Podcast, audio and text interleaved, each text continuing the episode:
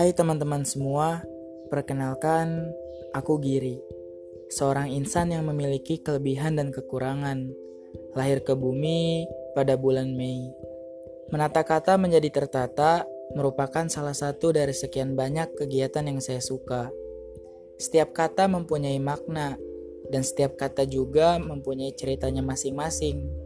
Semoga kata bercerita bisa menjadi kawan, baik saat kau sedang bahagia ataupun sedang terluka.